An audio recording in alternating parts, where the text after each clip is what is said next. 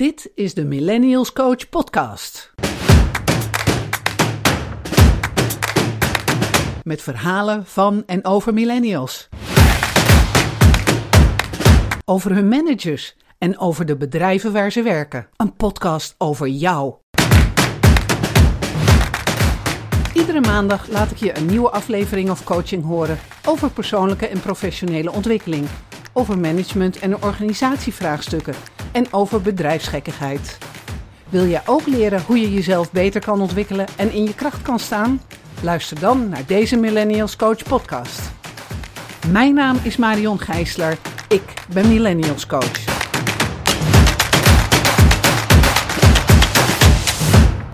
In deze aflevering interview ik Sanne Non, 23 jaar. Een heel afwisselend interview met een paar bijzondere, ontroerende momenten en een primeur. Ik heb het met Sanne over haar nog jonge carrière, maar toch.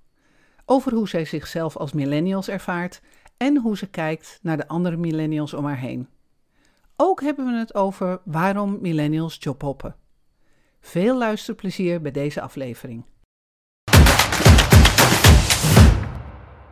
Vandaag heb ik uh, bij mij zitten Sanne Non. Sanne, welkom. Ja, goedemorgen, middag voor degene die uh, op dit tijdstip luisteren. Ja, op een ander tijdstip luisteren. Dat doen die Amerikanen zo leuk, hè? Goedemorgen, goedemiddag, goedenavond. Ja, ja. ja. Sanne is uh, 23. Dat is dus een, uh, weer een iets andere doorsnede van het spectrum als, ja, van, van, van millennials als dat ik tot nu toe gehad heb. Want tot nu toe heb ik meestal wat ja, mensen in het wat in het, aan het andere eind van het spectrum gehad. En uh, Sanne die is 23, eh, dus millennial. En zij heeft een bachelor toegepaste psychologie, arbeids- en organisatiepsychologie, bijna af. Ja, klopt. Nog een paar maandjes. Nog een paar maanden. Wanneer studeer je af? Ik, uh, exact 14 juni. Oké. Okay. Ja, is mijn deadline. Helemaal goed. Niet 14 juli, de 14 juillet van de Fransen, maar 14 juni een maandje eerder. Helemaal goed. Nou, ik, uh, ik ga duimen voor jou uh, die dag. Ja. Wow, we spreken met elkaar voor die tijd nog eventjes. Ja, hopelijk wel. Ja. um, die bachelor heb je bijna af. En um, jij hebt al, uh, met je 23 heb je al van alles gedaan. je bent stage, stagiair geweest bij het COA. Um, en andere dingen. Um, Sociaal-pedagogisch werker bij het Leger des Heils. Je bent ambassadeur van Young Lady Business Academy. Daar gaan we het misschien straks nog heel eventjes over hebben. En nu ben je persoonlijk begeleider bij HVO Querido. Ja. Ik vind dat een redelijk indrukwekkend cv voor 23 jaar. Ja, nee, daar heb je ook wel zeker gelijk in. En um, ja, ik denk dat dat bij mijzelf is gekomen omdat ik vanuit het MBO ben gekomen. Ik heb daar een sociaal-maatschappelijke dienstverlening opleiding gedaan. En eigenlijk ben ik gelijk vanuit die functie uh, ja, werk gaan zoeken. Naast mijn studie die ik toen was begonnen op de Hogeschool van Amsterdam. En um, ja, naast mijn studie werkte ik dus 16 uur bij het Leger des Heils. Als eerst uh, ondersteunend begeleider. En toen heb ik een contract aangeboden gekregen voor 24 uur daar twijfelde ik wel over van, ja, ik denk, is dat niet te veel naast een voltijdstudie? Maar er zaten heel veel voordelen aan, want ik kon mijn studie gewoon op mijn werk toepassen. Ik kon opdrachten van mijn uh, studie, kon ik gewoon toepassen op mijn werk en op de doelgroep, waardoor ik dus eigenlijk werkend heb gestudeerd. En dat maakt, denk ik, ook wel voor mij, dat is mijn leermethode, dat is de manier hoe ik het prettigst leer. En dat heeft me echt wel heel erg geholpen ook. En hoe heeft het je geholpen? Nou, ik ben heel erg uh, praktijkgericht. En ik was altijd bang bij een HBO-studie. Oh jee, nu moet ik alleen maar de boeken in. En nu moet ik acht uur lang achter mijn laptop gaan zitten en alleen maar stukken gaan schrijven. en dat paste dus totaal niet bij mij. Ik ben heel erg, als ik dan een college heb en ik krijg theorie, dan moet ik dat eerst voor mezelf gaan verwerken. Maar de tweede vraag die ik dan altijd stel is: ja, hoe ga ik dit dan toepassen in de praktijk? Ja. Maar ja, anders ben ik zometeen die hele informatie uh, kwijt. En dan, ja, dan kan ik daar verder niks mee. En nu kon je het meteen toepassen en meteen onthouden, meteen laten plakken. Ja. ja. ja. Cool. onderzoeken en opdrachten die ik vanuit school mocht uh, doen, uh, deed ik op mijn werk. Ja. ja, leuk. Dat vonden ze vast leuk op je werk. Ja, dat, dat vonden ze ook leuk, ja. Dat kan ik me zo goed voorstellen. Oh, hier is iemand die net uit de schoolbanken komt. En die gaat het meteen uitproberen hier. En wat krijgen we er dan uit? Wat komt er dan uit? Oh, wat spannend, wat leuk. Ja, ik zou dat, ik zou dat ook uh, vinden als, uh, als, als uh, werkgever. Ja. ja. Ja, maar ik heb wel gemerkt in de afgelopen, want ik doe dit nu eigenlijk de eerste jaar vanaf mijn studie heb ik dat al gelijk gedaan. En ben nu natuurlijk bijna klaar. En ik merkte soms wel dat het best wel veel kan zijn. en, dat, en dat mijn omgeving, dus mijn vrienden en familie, soms zeiden: Ja, wanneer heb jij eigenlijk vrij? Ja. en ik ging me afvragen: ja, wanneer heb ik eigenlijk vrij? Dat is één dag in de week dat ik dat echt voor mezelf inrooster, maar meer ook niet. Ja, ja. Maar dat, dat zou wel kunnen betekenen dat je het zo leuk vond dat het ook een deel van je vrije tijd was. Ja, klopt. Dat was het ook echt. Ik heb niet er tegen aangelopen dat ik het gevoel heb gehad: oh, ik loop uh, de kantjes er vanaf of ik ga het net niet halen. Maar mijn omgeving merkte wel dat ik uh, wat minder present was. Ja, ja. Minder emotionally available. Ja, ja. dat blijft een beetje in het Engels hangen. Ja, leuk. Um, waarom ben je deze studie gaan doen? Ja, dat, dan ga je gelijk eigenlijk naar een hele persoonlijke vraag. Um, op mijn twaalfde heeft mijn moeder een hersenbloeding gekregen. En de dokters vertelden mij toen dat de kans dat ze het zou overleven was 2%.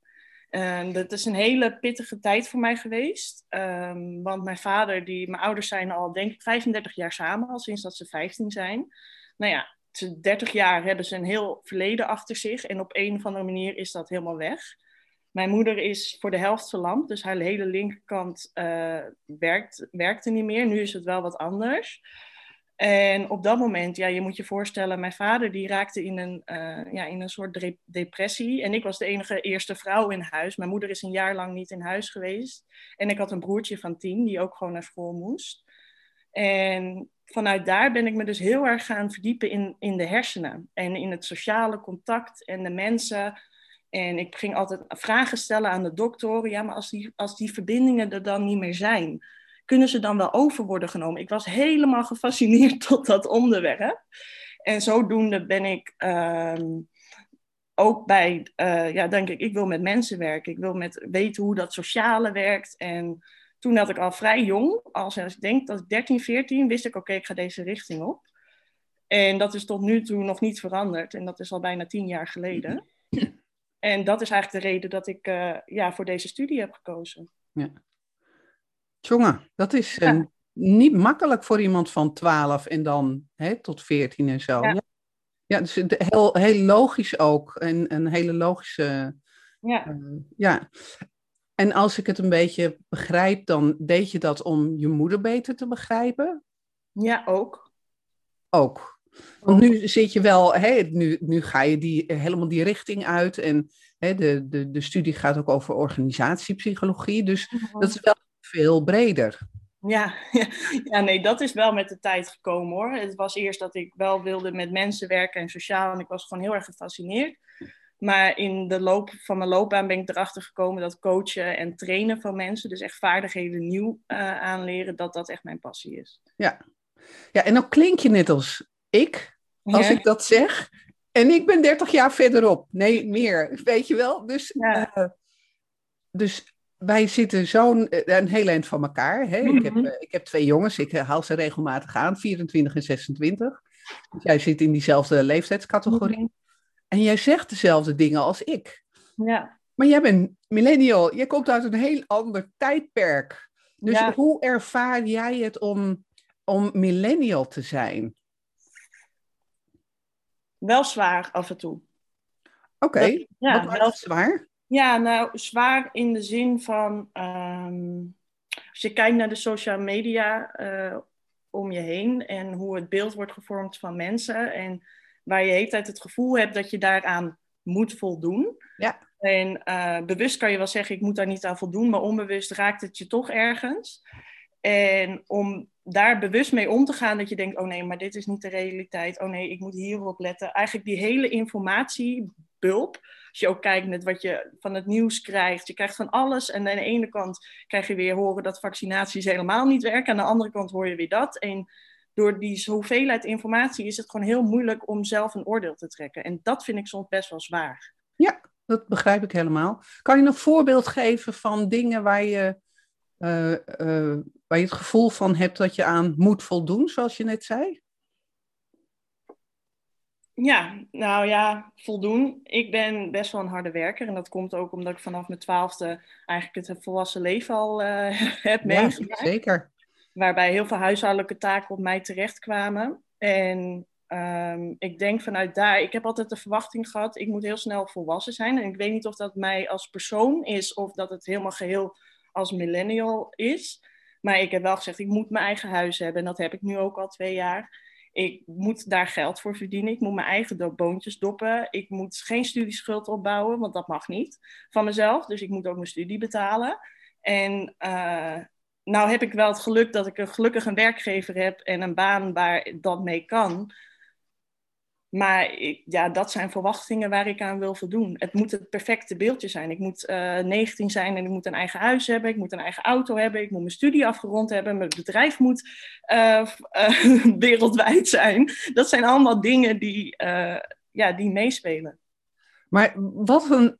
Als, als ik dat. Ja, niks is onmogelijk natuurlijk. Maar van, op, vanuit mijn stoel denk ik. Wat, een, wat onrealistisch. Dat heeft toch allemaal een beetje tijd nodig? Ja, misschien niet hoor. Misschien ben ik te beperkt in mijn denken, maar goh joh. Ja, maar dat, zijn wel, dat is wel iets uh, wat heel erg uh, nu wordt verwacht. En eigenlijk is die verwachting heel onrealistisch. Want ik hoorde gisteren nog op het nieuws dat er 350.000 woningen tekort zijn. Dus hoe, hoe kunnen wij als startende op die woningmarkt komen? Ja. ja, ik heb wel het geluk dat ik nu voor mezelf een huisje heb. Maar ik weet dat er zoveel studenten zijn die dat niet hebben. Ja, ik heb er twee die nog moeten. Daar maak ik me zeer veel zorgen om. Ja, echt. Ja. En je moet gewoon al 10.000 of als je ZZP'er bent 30.000 euro minimaal hebben ja. om uh, een huis te kunnen kopen. En je moet vaak met z'n tweeën al zijn. Ja. ja. Dat, dat is echt zo echt mindblowing moeilijk. Ja. ja, dat ben ik helemaal met je eens. En, en, en toch had jij die... Ja, die twee realiteiten, die verschillen zo erg van elkaar. Waardoor je dus de hele tijd als millennial, um, en ik denk dat ik er zelf wel wat volwassener daarin ben, maar als ik me in leeftijdsgenoten zie om me heen, dat je de hele tijd daaraan moet uh, voldoen, maar het kan helemaal niet. Nee, nee dat klopt. ja. Dus, dus wat, wat doet dat met je, dat je daar de hele tijd aan moet voldoen? Um, ik denk dat dat soms wel een bepaalde onzekerheid met zich mee kan brengen. Want, onzekerheid over? Nou, onzekerheid over van, nou, uh, ik heb het dus niet gemaakt omdat ik nu nog niet een huis heb. En, uh, maar mijn andere uh, studenten die wonen wel op Amsterdam, maar ja, die bouwen wel 50.000 euro schuld op. Ja. Maar dat zijn dus dingen van, oh, maar ik voldoe dus niet aan dat studentenbeeld. Nee. En dat maakt mij best wel onzeker. Van word ik nou. En ik denk dat dat ook te maken heeft met dat wij als mens zijn en natuurlijk sociale dieren zijn. En wij er heel graag bij willen horen. Dat is gewoon onze, echt een van de basisbehoeftes. Wij willen er graag bij horen. En doordat dat dus niet kan, hebben we het gevoel dat we er niet bij horen. En dat maakt je onzeker. Oké, heeft het daarmee te maken? Ja, dat begrijp ik. Ja. Terwijl het, het wellicht helemaal niet eens waar is. Dat, nee. um, dat is natuurlijk in je eigen hoofd. Je hebt een beeld van zo'n groep die zo doet, die deze uh, karakteristieken heeft, laat ik het geen normen noemen, maar karakteristieken, mm -hmm. um, die heeft he, alles wat jij net opnoemde, een huis en een auto en een baan en een internationaal bedrijf, op je negentiende. ja. um, dus dat is de groep en daar wil je, dus het is zelfs een, een soort van bedachte, bedachte realiteit, een bedachte ja. tribe, die niet eens bestaat. Ja, maar ga maar eens naar de social media accounts van influencers die van mijn leeftijd, die, of misschien een jaartje ouder, waarbij je ziet, oh, die heeft echt een mooi huis daar in Amsterdam en helemaal verbouwd en die krijgt al die spullen en die heeft het gewoon al helemaal voor, voor elkaar. Ja. Voor elkaar, tussen ja. haakjes even. Ja. Maar dat is wel het beeld wat wij, waar wij ons aan gaan uh, ja, conformeren. Ja. Mee vergelijken ik zou wel eens met zo iemand willen praten. En ik zou wel eens willen weten waar de onzekerheid van die persoon zit. Ja. En waar de, waar de ellende achter de voordeur zit van die persoon. Want dat, ja. ik had, ehm, wanneer was het? Laatst had ik een, een post op Instagram geplaatst. En daar, daar stond iets van uh, dat, het, dat het even, niet, even moeilijk was. Dat het, echt, het was ook niet heel erg of zo. Maar met dat ik het opschreef, toen dacht ik, oh, dit is zo ontzettend oninsta's, weet je wel. Ja. Ik heb het wel laten staan. Ik heb het wel gewoon gepost. En er was ook iemand die erop reageerde. Die zei, ja, dat klopt. dat, is, dat laat je niet zo makkelijk zien. Ik, ja, wat een, wat een idiote wereld lopen, leven we wat dat betreft uh, ja. op dat publiek in. Ja. ja. Maar ja. goed. En dat kan je eigenlijk wel nu zo zien, is dat wij onze, uh, en dat is mooi, want ik denk dat millennials daar wel wat beter in zijn dan de oudere generatie. We gaan op we moeten op zoek gaan naar een nieuw, een nieuw mentaal kapitaal. En dat is een, verzonnen door Elke Gerard, als ik haar naam goed uitspreek. Google haar even als je ziet, dit is echt geweldig. Um, maar zij benoemt ook dat we onze manier van denken moeten gaan veranderen, willen we kunnen meegaan in deze nieuwe technologische maatschappij. En uh, wat ze daarmee bedoelt, is dat je heel erg bewust moet zijn dat je, en aan die hele informatiebom, dat je dat moet accepteren dat dat er is. En uh, zij vertelt ook in een TED-talk hele mooie uh, tips en trucs die je kan gebruiken om je brein te trainen en voor te bereiden op de technologische toekomst. Wat mooi zeg. Ja. En doet zij dat ook in, uh, bewust in het kader van de nieuwe generatie, de jonge mensen die eraan komen, of is het meer in in het algemeen? In het algemeen, maar ze haalt wel uh, heel veel anekdotes erbij vanuit, onze, vanuit de millennials. Ja, mooi. Wat ja. fijn dat iemand daar oog voor heeft, want ja. mijn eigen idee is, is dat het zo nodig is dat, dat we jullie manier van leven omarmen en dat we jullie manier van denken gaan inparkeren, want anders dan blijft het, mm -hmm. blijven het de erfenissen van de mensen die na de oorlog de wereld weer hebben opgebouwd, zal ik maar zeggen. Want dat is een beetje waar we nog steeds mee zitten. Ja. ja. In ieder geval goede resten daarvan. Mm -hmm. Ja. Goh joh, wat boeiend. Ja. Um, en als jij met, uh, jij zegt uh, uh, steeds van ik ben er wat volwassener in. Mm -hmm. um, wat merk jij aan de groep, ja, de groep mensen om jou heen die jouw leeftijd hebben? Doen die hetzelfde of doen die het anders? Wat is jouw ervaring daar? Nou, is wel grappig dat je dat zegt. Nou, ik merk in mijn omgeving wel dat steeds uh, meer mensen ook uh, ja, hun lichaam gaan verbouwen via, door middel van plastische chirurgie om te voldoen aan dat beeld. Wat ja. dan? Ja, nou Want ja. Ik denk, je bent 23, je bent net nieuw uit de doos. Ja, nou ja, de, ik denk dat een paar nieuwe borsten wel uh, over, als broodjes over de toonbank vliegen. Ja, en dat komt gewoon omdat mensen denken van nou, een vrouw hoort uh, dubbel te hebben. En, en uh, dat is het nieuwe normaal. Maar dat is niet normaal. Dat is helemaal niet normaal, nee. Oh, wat bijzonder. Ja, en dat zie ik gewoon echt heel veel bij meiden in mijn omgeving. En wat vind jij ervan? Nou, ik vind het belachelijk. Ja, vind je het ja. belachelijk? Ja, ik vind het belachelijk. Ik, vind, ik kan mij wel inleven in het feit dat mensen onzeker zijn, want dat heb ik net ook al benoemd. Het is een bepaalde onzekerheid en een, omdat we erbij willen horen. En um, ja, als jij 23 bent en je neemt een nieuwe borsten, alle gevolgen van dien, want het is nooit helemaal uh, ja, veilig ja, als je dan nog geen uh, kinderen hebt, ja, misschien krijg je wel al, misschien gaan je borsten nog groeien. Je weet het niet, je lichaam verandert ook continu. En ik denk dat je dat juist moet ontarmen. En uh, je lichaam is je veilige zone, dat is je huis, daar moet je voor zorgen en dat moet je voeden en liefde geven. Wil je uh, daar een veilige basis voor jezelf creëren? En als je daar de hele tijd troep in gooit, ja, dat vind ik echt. ja, ik, ik vind dat wel, het doet wel wat met me. Ik maak me wel verdrietig. Ja. ja. dat is een mooi woord. Ja, het maakt mij ook verdrietig inderdaad. Ja, dat klopt. en, en heb je een idee waarom zij dat doen? Hebben jullie het daar met elkaar over? Ja, omdat ze onzeker zijn. Maar wat, gaat, wat gaan grotere borsten of andere borsten helpen aan onzekerheid? Ja, dat is een hele goede vraag. Tegen onzekerheid. Want je, je blijft het is alleen maar iets cosmetisch. Het is ook nog maar zo'n Ja. stukje van 20 bij 30. Ja. Ehm, eh, wat, hier in je hoofd zit onzekerheid. Ja, maar Dat ja, zit niet in je onder hoofd. je...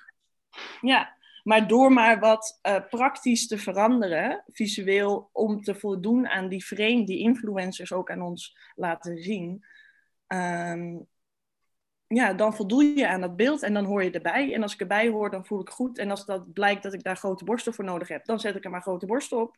Want dan hoor ik erbij. Maar nie, het staat nergens en niemand heeft het tegen je gezegd. Nee. Dus het is alleen maar wensdenken, droomdenken. Ja. ja. ja. ja. Maar het is ook heel menselijk, hè? Ja, want het is natuurlijk in onze natuur dat we erbij willen horen. Ja, dat begrijp ik wel.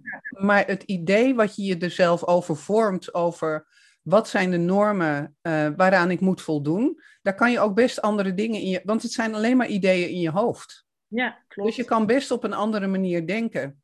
Ja. Ik ben toevallig de laatste tijd enorm aan de, de, de wet van de aantrekking ben ik bezig.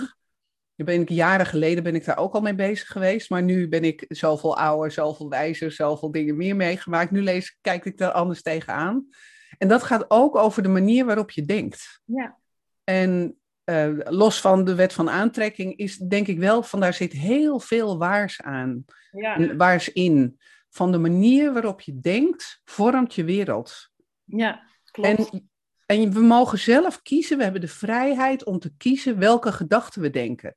En welke ideeën we denken. Dus we kunnen ervoor kiezen om ons gek te laten maken door een een of andere droomtribe waar we denken bij te moeten horen. Mm We kunnen op een andere manier denken om de realiteit van vandaag de dag met, in al zijn schoonheid te kunnen mhm. zien.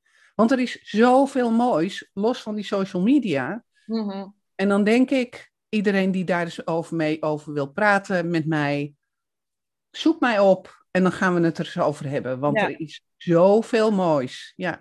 Maar wat jij dus vertelt over die wet van aantrekkingskracht, dus je, je, wat je denkt, dat komt ook uit en dat is ook hoe je je omgeving en je wereld ziet als we kijken naar hoe het brein ontwikkeld is en we kijken naar uh, ja, ons oerbrein, dan uh, is dat heel erg uh, geprogrammeerd op het negatieve ervaring. Want vroeger als, kon er overal gevaar zijn. Als een sabel, sabeltandtijger achter je aan was, dan moest je rennen. En, dat, en je hersenen sloegen dat natuurlijk op. Maar nu in deze tegenwoordige tijd ehm, is gevaar er niet. Nee. Er is niet direct gevaar. Je hoeft niet te vluchten voor dieren of dat je wordt aangevallen.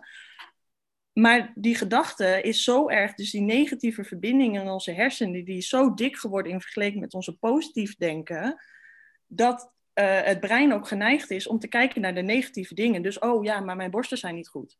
Of, oh ja, maar ik moet mijn lippen doen. Of, uh, ja, maar dit past niet erbij. Of dat soort dingen. Dat zijn dus negatieve gedachten, omdat je brein daar gewoon gewend is om zo uh, te leven. En elke Gerards die vertelt ook, je moet je brein positief trainen, net zoals dat je je lichaam traint, dat je naar de sportschool gaat en dat je goed op je voeding let, moet je ook je brein trainen. En juist trainen om die positieve verbinding sterker te maken. En ik denk als, als mensen daar meer bewust van worden, dat die onzekerheid ook afneemt. Want je hele omgeving verandert, zoals jij al zegt. Ja, ja dat klopt. Ja, ja ik ben het helemaal, helemaal mee eens. Het is, uh, ik gebruik vaak, uh, ik zit nu in een enorme coachingstraject. En ik, gebruik, ik krijg veel, uh, ja, ik weet niet wat ik wil en ik weet niet wat ik moet. En oh jee, ik heb mijn baan niet meer. En, en dan stel mm. ik heel vaak de vraag van wat is het enorme voordeel van? En dan kan, als ze iets komen met iets negatiefs, bijvoorbeeld van, uh, um, nou, ik ben uh, enorm slordig of zo. Mm-hmm. Wat is het hele grote voordeel van iemand die enorm slordig is? Ja, en dat weten ze dan vaak niet, want dat zit zo, wat jij zegt, hè, die dikke pijp van negatieve mm-hmm. dingen. En het is, ja, het is een manier van omdenken, van herkaderen. En dan, dan komen ze er vaak wel op van, oh ja, als ik, uh, als ik slordig ben, dan kan ik heel goed improviseren. Ik kan heel goed op het laatste moment kan ik dingen anders doen. Mhm. Uh, ik zit niet zo vast, ik ben heel flexibel. Dus er zitten enorm veel voordelen aan. Dingen die ja, negatief gelabeld worden. En een label is ook maar een ding wat je erop plakt. Ja. Dus um, ja, laten we vooral oefenen in positief denken. Ik hou van omdenken en positief herkaderen. Ja. En ik denk dat dat juist nu het keerpunt is in, in de maatschappij. En ik hoop dat we ook veel meer ons brein dan gaan trainen. Want dat, dat is uiteindelijk ook wat je evolutionair gaat overgeven aan je kinderen. Ja, ja ik, uh, uh, ik doe daar enorm mijn best voor. Ja. en mijn jongens zijn alle twee echt buitengewoon positieve mensen geworden. Waar ik echt verschrikkelijk trots op ben. Dus dat is uh, goed gelukt, zeg maar. Ben Mooi dat, dat, dat, het zo, dat het zo gelopen is, ja. Ja. ja. Um, wij verdwenen even een beetje in de psychologie. Ja, Echt, wat leuk. Ja, heel fascinerend hoe mensen werken. Dat, ja. ja. dat is ook waarom ik dit werk doe. Het is echt fascinerend hoe mensen hun, hun keuzes maken. Ja, ja. Um, en dan ben jij 23 en jij doet uh, uh, vluchtelingen begeleiden. Mm Man, op je 23ste, hoe kijken die mensen tegen jou aan? Zo'n jong moppie, nou ja, je doet natuurlijk wel wat, wat ouder en dan, hoe gaat dat? Nou, ik vind dat eigenlijk wel heel grappig om te vragen, uh, dat je dat vraagt. Want laatst zei een cliënt tegen mij, ja, ja, en we praten heel veel in het Engels. Ja, jij hebt echt een soort ma majority. Dus een soort van leidinggevende uh, rol en van nature. En ja, ik heb eigenlijk, ik ben best wel ja, echt Amsterdams gemond. ik heb mijn hart op mijn tong zitten. En ik sta sterk in mijn schoenen. Ik weet wat mijn grens is. En ja, dat respecteren ze eigenlijk alleen maar. Dat is gewoon wie ik ben als persoon. En ja, ik heb hiervoor natuurlijk met de doelgroep dak- en thuislozen gewerkt in de crisisopvang. Nou, dat is nog pittiger. En, uh, maar daar konden ze niet over me heen lopen hoor. Nee. Want als ze zeggen, ja, je ziet bijvoorbeeld, jij ziet er niet uit, dan zeg ik, nou, jij ziet er lekker uit. ja. Dan komt die dikke Amsterdamse L ook meteen mee. Ja, ik hoor het. Ja. ja, jij ziet er lekker uit. ja. Maar dat, zijn, dat is nu even een grappig voorbeeld, maar zo heb ik er veel meer gehad. En ik denk dat dat gewoon echt komt wie ik ben in karakter. Ja, ja, doe je goed. Ja. Want je, hebt, je, zal best, uh, je zal best een beetje stevig te nodig hebben in het, in het werk wat je doet. Kan je wat over vertellen over het werk wat je doet nu? Uh, nu, ik werk op een uh, woongroep voor vluchtelingen. En dit zijn eigenlijk ja, vluchtelingen met een rugzakje. Veel vluchtelingen die bij ons op de woongroep zitten, die hebben last van trauma. En die vaak nog niet eens verwerkt is. En PTSS, maar ook depressie. En ze hebben echt hele heftige dingen meegemaakt. Um, ik werk dan op een woongroep waarbij zelfbeheer uh, ja, bovenaan staat. Dus de groep moet het zelf doen. En mijn taak is eigenlijk om met de groep te coachen. Dus ik heb twee uh, teams in huis die, uh, die ik eigenlijk ja, teamcoaching meegeef en samen pakken we projecten op. Wat voor projecten moet ik dan aan denken? Nou ja, een soort van. Uh, ze mogen niet heel veel, want ze moeten natuurlijk eerst de Nederlandse taal leren. En dus je mag nog niet heel veel werkzaam zijn. Dus het is ongelooflijk veel tijd over. En bijvoorbeeld, dan gaan we activiteiten organiseren. Ja, ik wil eigenlijk naar de kapper, maar ik kan het niet betalen. Ik zeg, nou ja, is er een kapper in huis? Ga op zoek naar een kapper. En dan gaan we een project opzetten dat we een eigen kapper in huis hebben. En dan gaan ze dat zelf dan neerzetten. En waar moet dat dan in de woonkamer? Dus echt wel in het kader van zelfbeheer. Hun, het is hun huis en hun mogen ervoor zorgen. En ja, dat doe ik eigenlijk nu. En daarnaast ook individuele begeleiding om te kijken welk traject, welke traumabehandelingen of welke behandeling het beste past. En diegene dan daar naartoe verwijzen. Ja. En wat vind je van je werk? Oh, ik vind mijn werk geweldig. Wat, ja. is, wat is er geweldig aan? Um, de waardering die ik krijg van mensen. Zoals ik heb dan met. Uh, ik kwam laatst, uh, liep ik een rondje door Amsterdam en toen kwam ik een oud cliënt uh, tegen. En die zei tegen mij op straat: ja, ik, kan, ik vergeet nooit meer het moment dat ik er helemaal doorheen zat en jij naar mijn kamer kwam en gewoon maar tegenover me kwam zitten. En ik zeg, dat heeft zoveel met mij gedaan. En misschien merk je dat niet direct, want ze kunnen op dat moment voel je niet die waardering, want dan denken ze eigenlijk helemaal rot op. Maar een jaar later betekent dat dus wel heel veel voor een mens. Ja. En dat vind ik heel erg mooi. Fantastisch. Ja. Ja. Ja. Goh, wat, wat, wat mooi. Ik ben echt. Uh, ja. Ik ben helemaal onder de indruk. Ja, ja. ja. En de volgende vraag lijkt bijna niet gepast. Maar ja, we zitten hier toch in, dus ik ga het toch doen. Mm mooi, Sanne. Ja. Um, nu doe je dit. Ja. Um, hoe zie jij je toekomst voor je? Wat ga je hierna doen? Ga je hierna wat doen of blijf je hier, blijf je hier langer zitten? Hoe zie je dat voor je? Nee, ik, uh, dit is echt voor mij puur naast mijn studie. En dat weet, me, weet mijn leidinggevende ook. En die weet ook heel duidelijk dat ik een doel heb om mijn eigen bedrijf op te starten. Um, omdat ik juist dat positief denken uh, wil integreren op de werkvloer. En dat is ook de reden waarom ik heb gekozen voor arbeid en organisatie.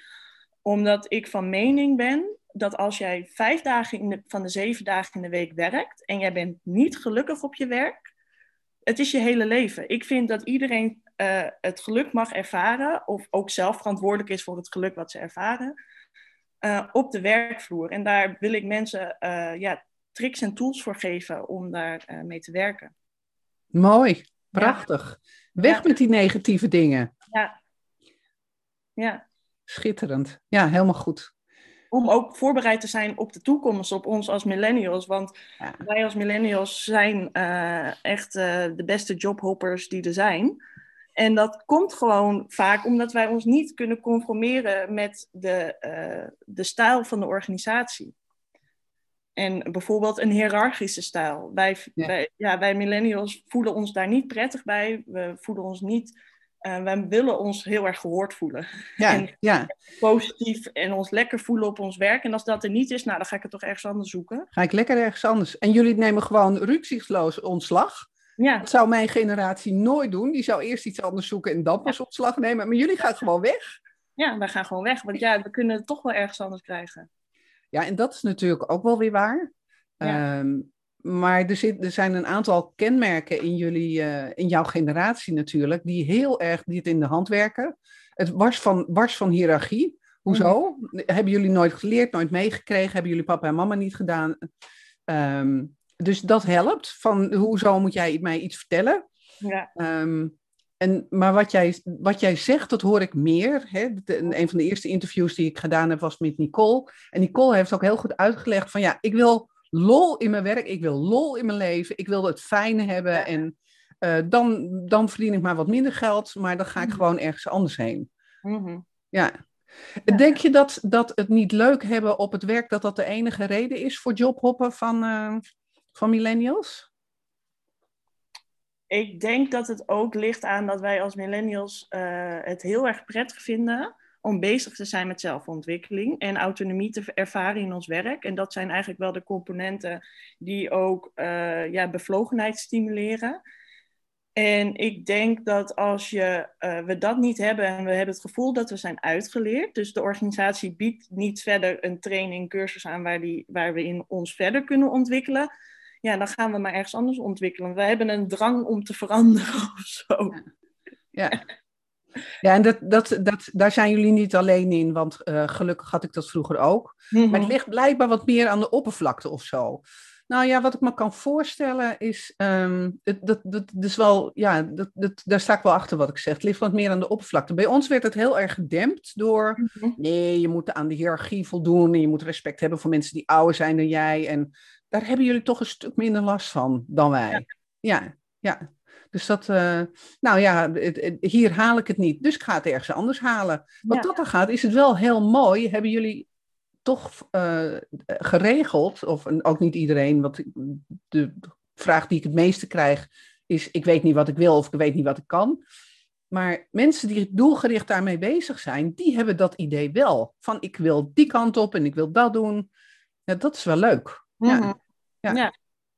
En als ik in, in, jou, in jouw uh, lijstje van activiteiten kijk, wat, je, wat jij allemaal gedaan hebt, mm -hmm. heb, heb, jij, was dat ook voor jou de reden om zo uh, uh, van het een naar het ander te gaan? Want je hebt best wel heel veel gedaan.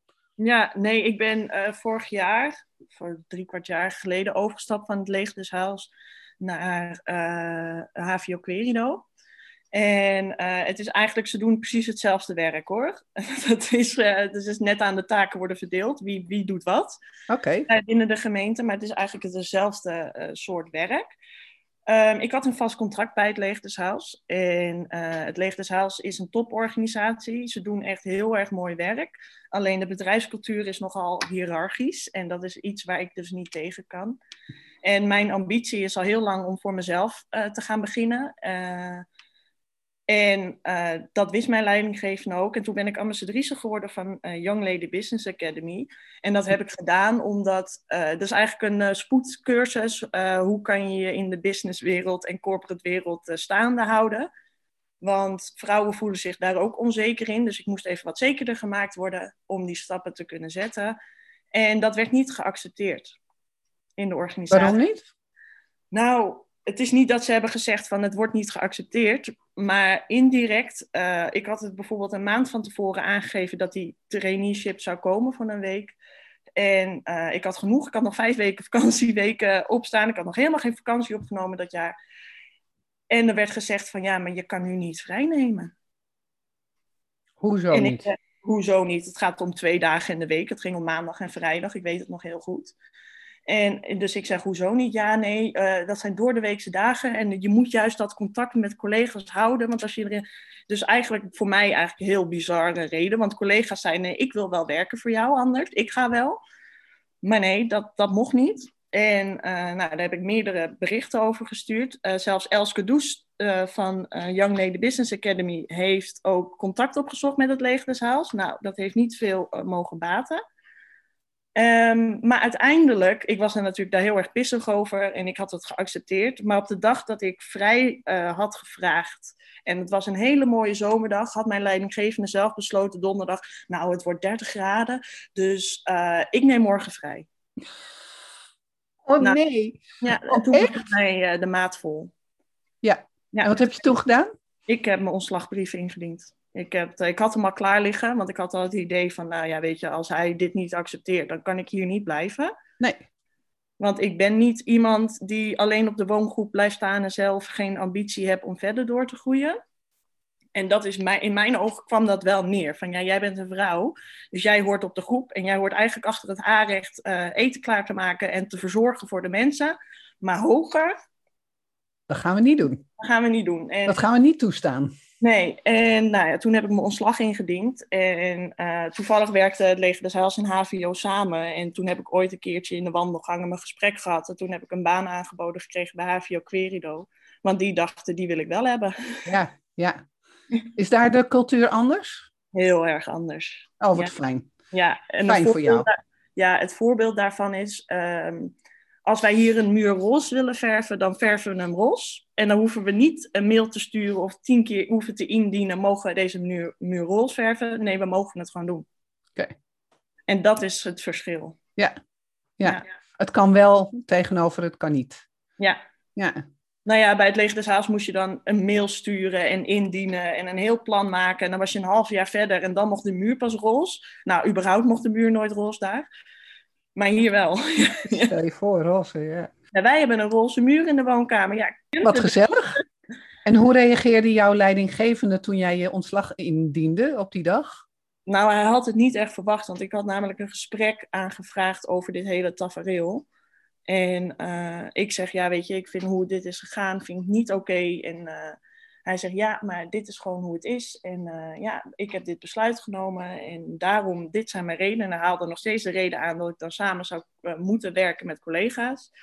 Terwijl mijn collega's daar heel anders over dachten op dat moment. Um, maar hij was zeker wel verbaasd. Want ik zeg, nou ja, dan neem ik ontslag. Hij zegt, oh, weet je dan wat je daarvoor moet doen? Ik zeg, ja, dan moet ik een ontslagbrief indienen. Ik loop naar boven en ik druk op de printknop en ik loop naar beneden en hier is mijn ontslagbrief. Ja, Oei. Heb ik dat gedaan. En dat was oei, ja. Want hij had al drie vacatures liggen en dat werd nu de vierde. Ja. Ja. Dan vraag je je toch af hoe dat komt. Ja. Ja. ja. Maar je vraagt je ook af waarom de organisatie het zelf niet ziet van bovenaf. Maar goed, ja. Ja, het is een grote organisatie, hè, Leger de Cels. Very corporate, ondanks ja. dat het heel lokaal is. Ja, enorm corporate. Ja. En dat is lastig om dat te, dat te uh, veranderen. Ja. ja. Ik heb 30 jaar bij IBM gewerkt, ik weet het. Dat moet je kunnen, zeg maar. En uh, ja. ja. als je erin zit, is, uh, zijn dit soort dingen heel lastig. Ja. ja. Goh, um, jij uh, hebt al een aantal keren genoemd dat jij een eigen bedrijf wil.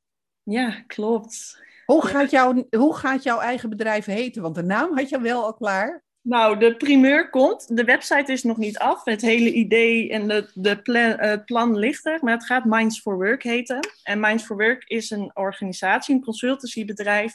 die uh, voor organisaties wil adviseren hoe ze uh, hun medewerkers ja, bevlogen kunnen houden op de werkvloer. En mijn levensdoel is mensen geluk laten ervaren in hun leven. Wow. Het laten ervaren.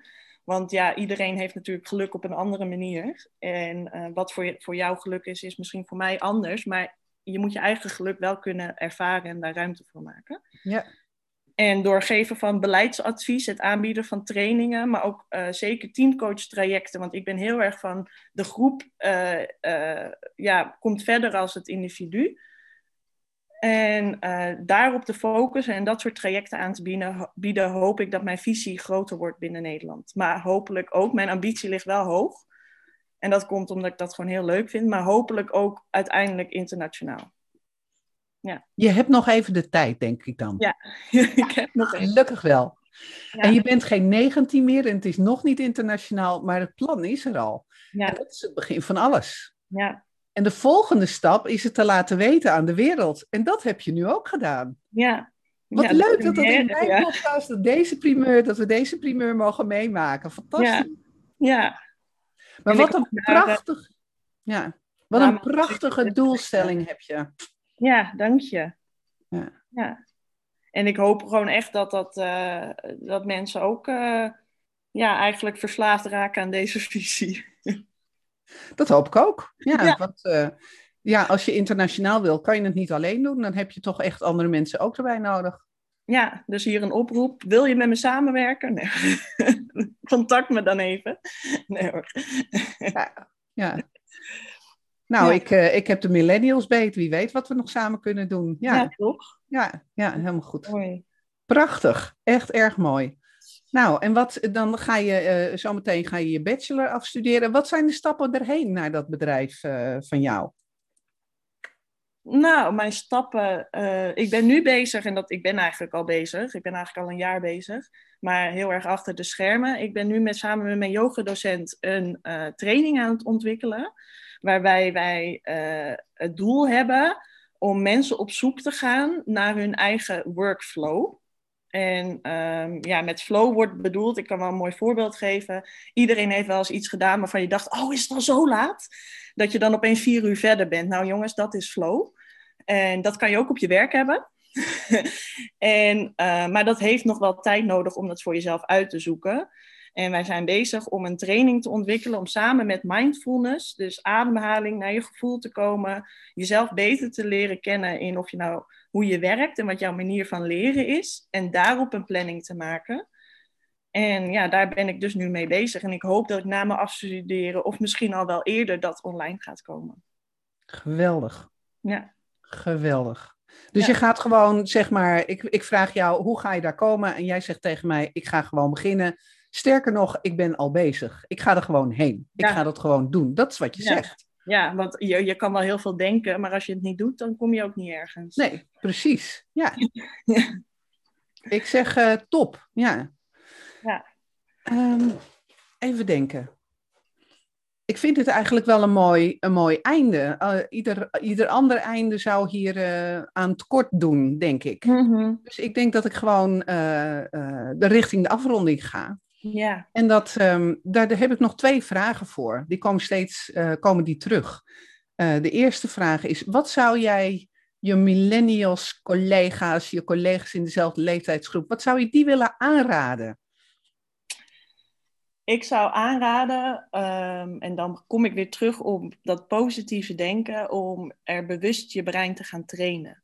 En bewust te worden van hoe vaak je eigenlijk wel niet negatief denkt. En daar zijn praktische oplossingen voor. Dus als jij het gevoel hebt dat jij negatief denkt, dat je dan denkt: oké, maar wat is dus het positieve eruit?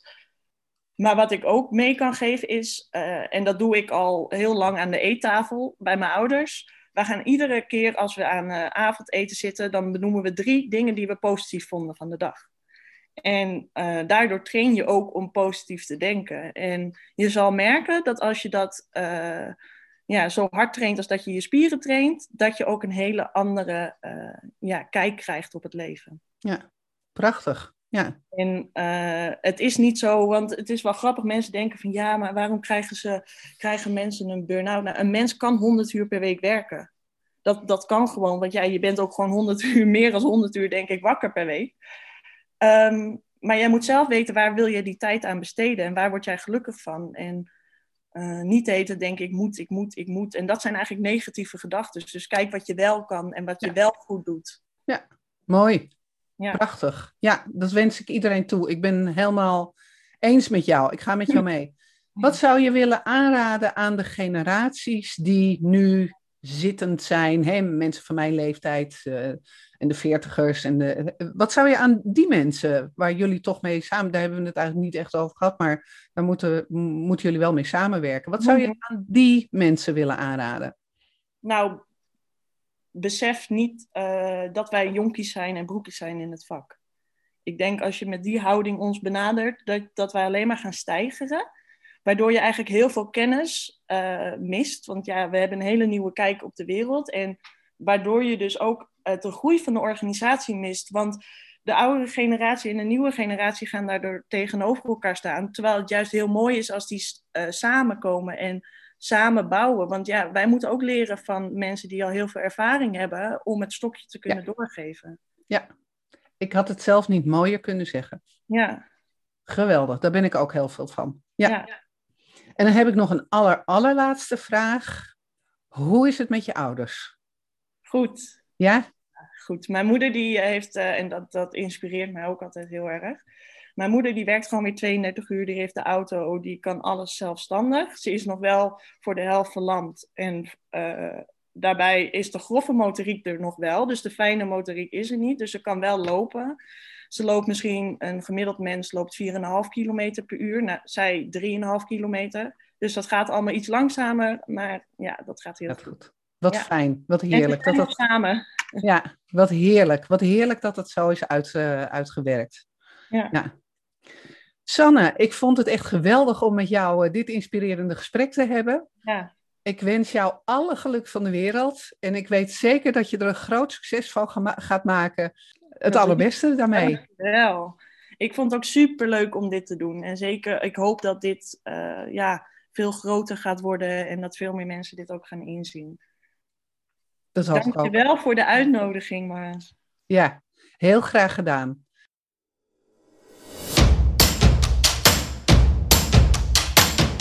Mijn naam is Marion Gijsler. Ik ben Millennials Coach. Ik help millennials te stralen bij de bedrijven waar ze werken. En ik help de bedrijven om de millennials die ze in dienst hebben of willen hebben te boeien en te binden en optimaal de ruimte te geven als volgende generatie in de organisatie. Ik nodig je uit om daar een goed gesprek met mij over te hebben. Ga naar millennialscoach.nl en neem contact met me op.